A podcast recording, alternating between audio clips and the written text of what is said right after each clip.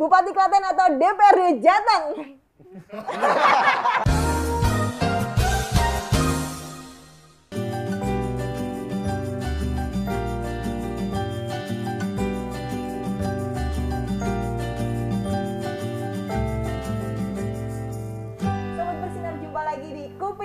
Panas. Kumpulan info penting yang lagi Panas.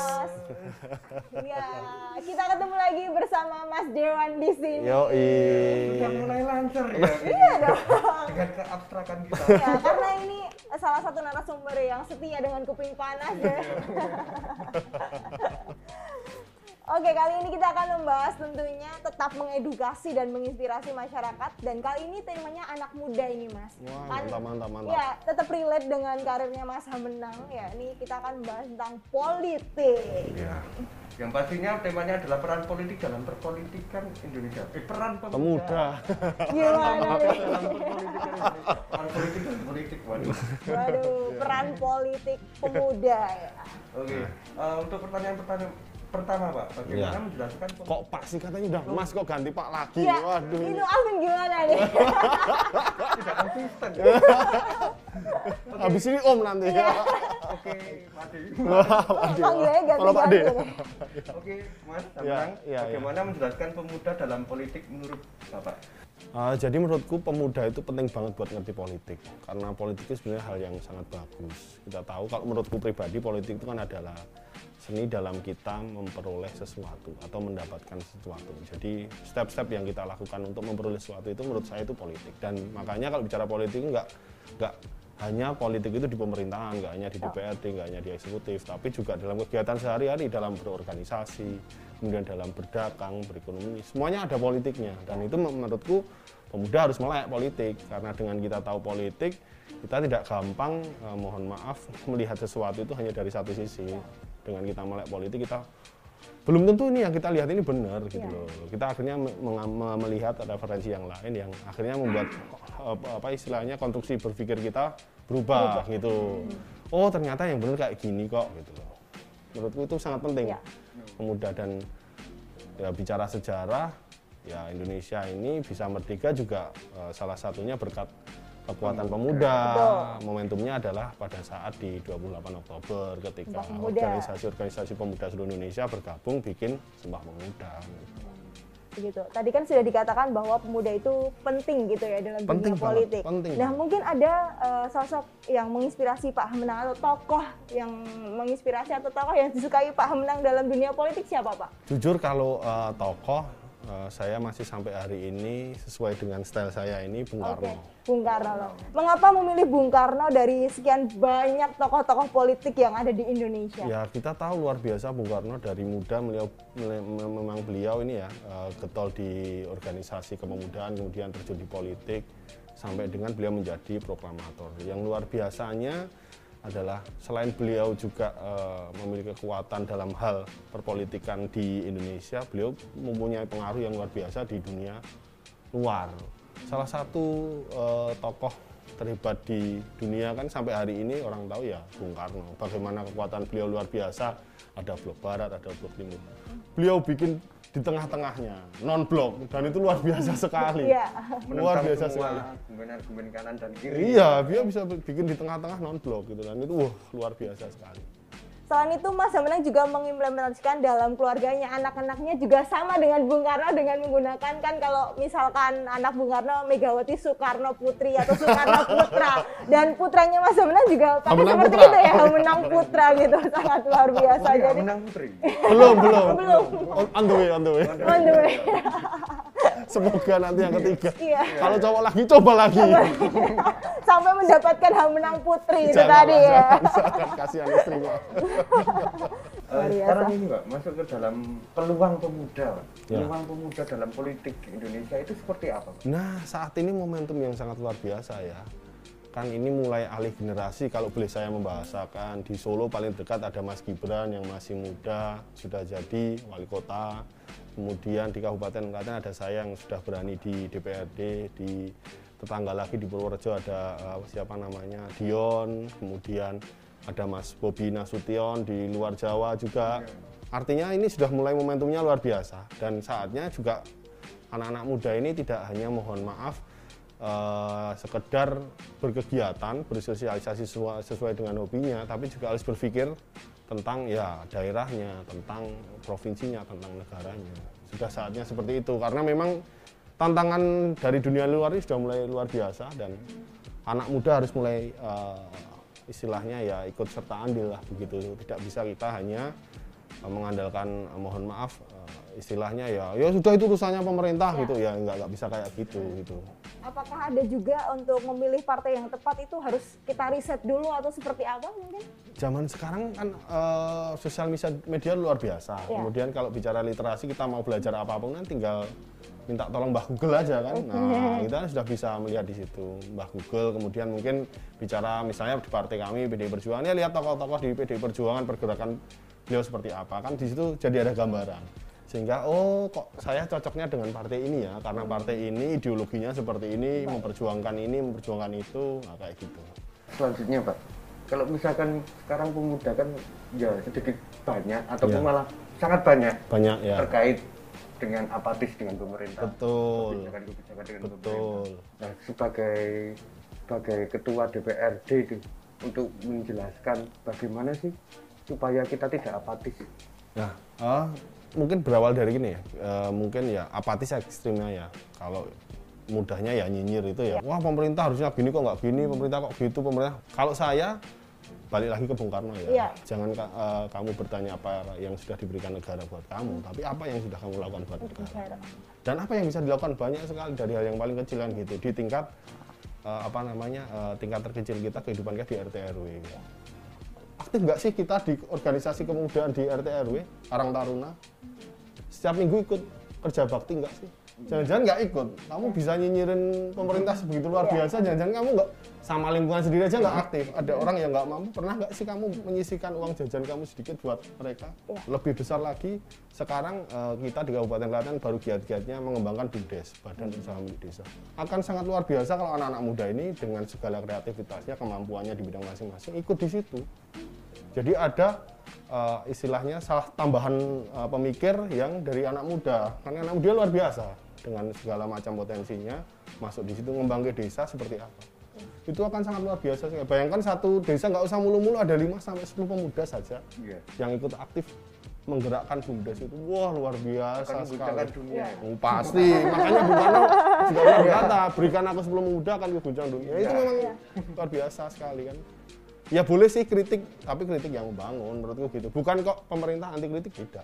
Apalagi sekarang juga sudah bebas berpendapat gitu ya. Apalagi di Iya. med- media sosial itu harus hati-hati juga ya dalam Iya. sekarang jarimu harimaumu ketika kita sudah salah sedikit saja sudah langsung Kita terciduk bebas gitu. berpendapat bukan berarti kemudian kita bebas ngomong asal-asalan kan gitu. Berpendapat itu ya yang konstruktif lah.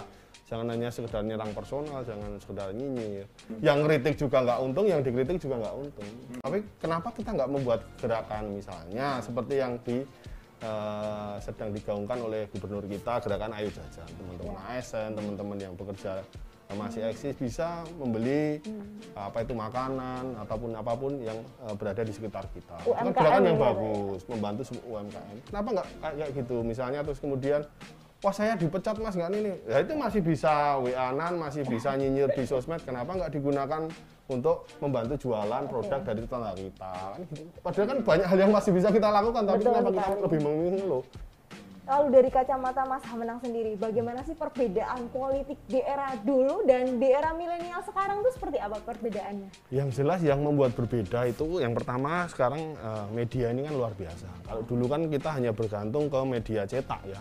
Ya artinya ada keterbatasan. Kalau sekarang ini kan per menit per detik kita bisa tahu hal yang terjadi di Amerika. Per menit per detik kita eh, apa terjadi di Cina segala macam. Itu yang pertama. Kemudian yang kedua kan dari informasi yang banyak masuk ini jadi banyak pilihan yang pengen kita ketahui. Kalau dulu orang ya hanya berita politik, berita politik. Sekarang kan hiburan luar biasa kemudian. Eh, Ya banyak hal lah. Yang akhirnya membuat anak muda ini kan lebih tertarik ke banyak hal itu, hiburan itu daripada ke politik. Ya, itu yang menjadi menurut saya ya jadi kurang bagusnya di situ. Sehingga ya otomatis ya anak muda banyak banyak yang apatis. Ya ngapain ngurusin politik? Lebih baik mohon maaf mungkin ada yang lebih ke Korea Koreanan ada yang ke Amerika Amerikanan ada yang ke ya kayak gitu kayak gitu kan. Lebih ke suka budaya luar ya. Asik dengan dunia itu kemudian ya otomatis apatis dengan politik. Lah ngapain saya ngurusin politik kan gitu. Terus kemudian nanti ketika pemerintah ada berita yang negatif tinggal ikut nimbrung aja. Kan kayak gitu biasanya. Nimbrung wah ikut nyinyir ikut. Padahal ya nggak tahu yang sebenarnya. Nah itu sayangnya di situ perbedaan di zaman dulu dan zaman sekarang. Mungkin ada tips dari Mas Menang biar anak muda tuh semakin semangat gitu untuk terjun ke dunia politik. setidaknya membuka membuka Ya, betul sekali. kebijakan pemerintah yang menjadi apa tolak ukur sebagai output sebagai politik gitu. Ya harus mulai balance ya. Jadi mungkin hobi kita A B C ya oke lah hobi tetap kita jalankan. Tapi pel- luangkanlah waktu sehari misalnya berapa menit lah 10 menit atau 15 menit ya melihat sisi-sisi yang ber- berbeda berita-berita ke apa namanya entah itu perpolitikan entah itu ke pemerintahan boleh. Terus juga teman-teman yang masih sekolah baik itu SMP SMA kuliah ya kalau memungkinkan aktif, aktiflah dalam organisasi yang ada di situ. Misalnya kalau sekolah ya osis kalau di eh, mahasiswa ya bem itu akan lebih bagus lagi. Jadi pandangan politik itu akan terbentuk dari situ. Tapi juga nggak aktif di situ pun nggak masalah nggak masalah. Ya intinya itu tadi tinggal apa namanya sisihkanlah waktu berapa menit barang sehari itu setiap hari untuk baca-baca berita yang tentu positif. Karena sekarang ini juga karena mudahnya media itu sayangnya banyak juga media yang kurang ada di tengah-tengah. Ya. dia terlalu ke kanan terlalu ke kiri kan gitu-gitu. Ke kiri ke sini ya? Eh eh eh eh eh eh sini ya Kiri. kiri kiri sana kiri sebenarnya sini tapi sebenarnya sini ya, intinya gitulah Iya, iya. cari media yang benar-benar di tengah-tengah.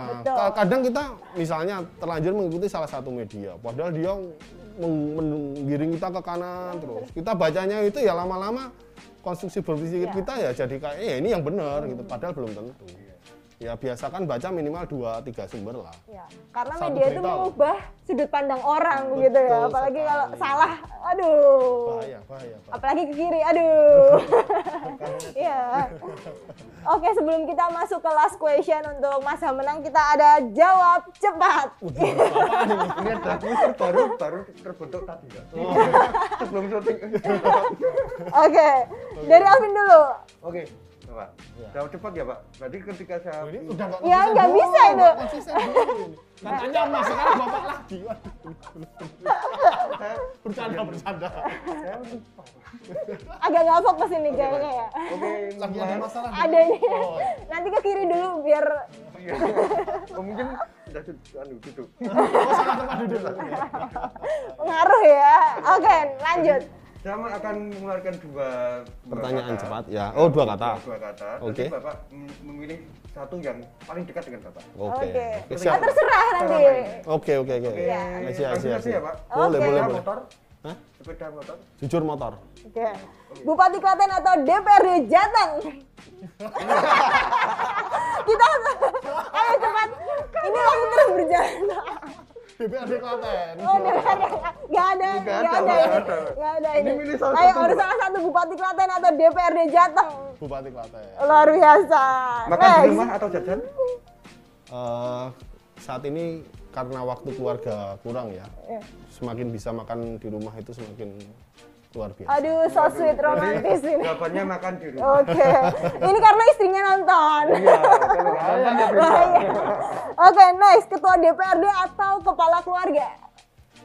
Eh, otomatis kepala keluarga. Tapi juga jadi. Iya. Oke. Next, Bin. teh kopi Udah, nggak suka ngopi. nggak suka ngopi Bukan berarti nggak suka kopi, tapi suka teh. Oke. Karena punya asam lambung. Iya.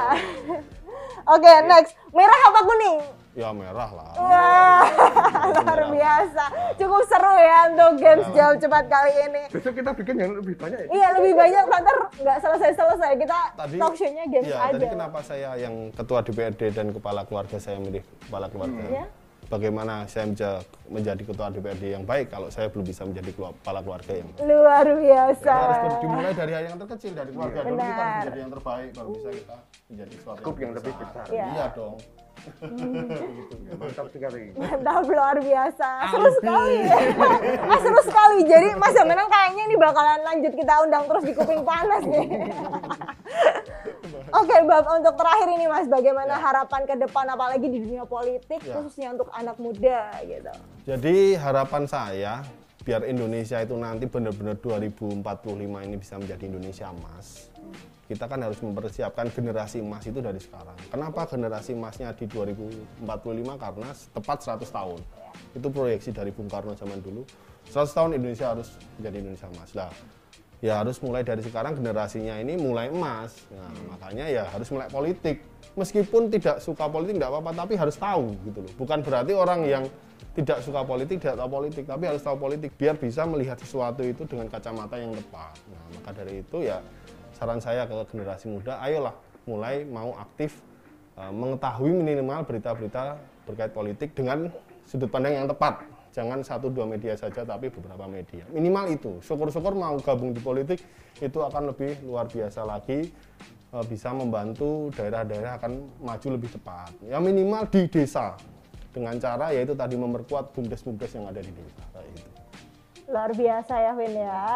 Oke, terima kasih untuk Sobat Bersinar yang sudah menyaksikan Kuping Panas hari ini. Tentunya edisi bersama Mas Dewan. Terima kasih. Jangan lupa like, komen, dan subscribe. Apabila mau ngasih tema-tema unik juga boleh di bawah Boleh. sini. Oh iya, kan? komen. Masukkan. Ya kan ada pertanyaan buat Mas Dewan juga bisa nanti kita sampaikan juga. Oke, terima kasih. Saya Titi Rahma. saya Alvin Maulana Dan tentunya narasumber kita. Saya Hamenang. Terima kasih tetap saksikan Kuping Panas. kumpulan info penting yang lagi Panas. Terima kasih. Saya-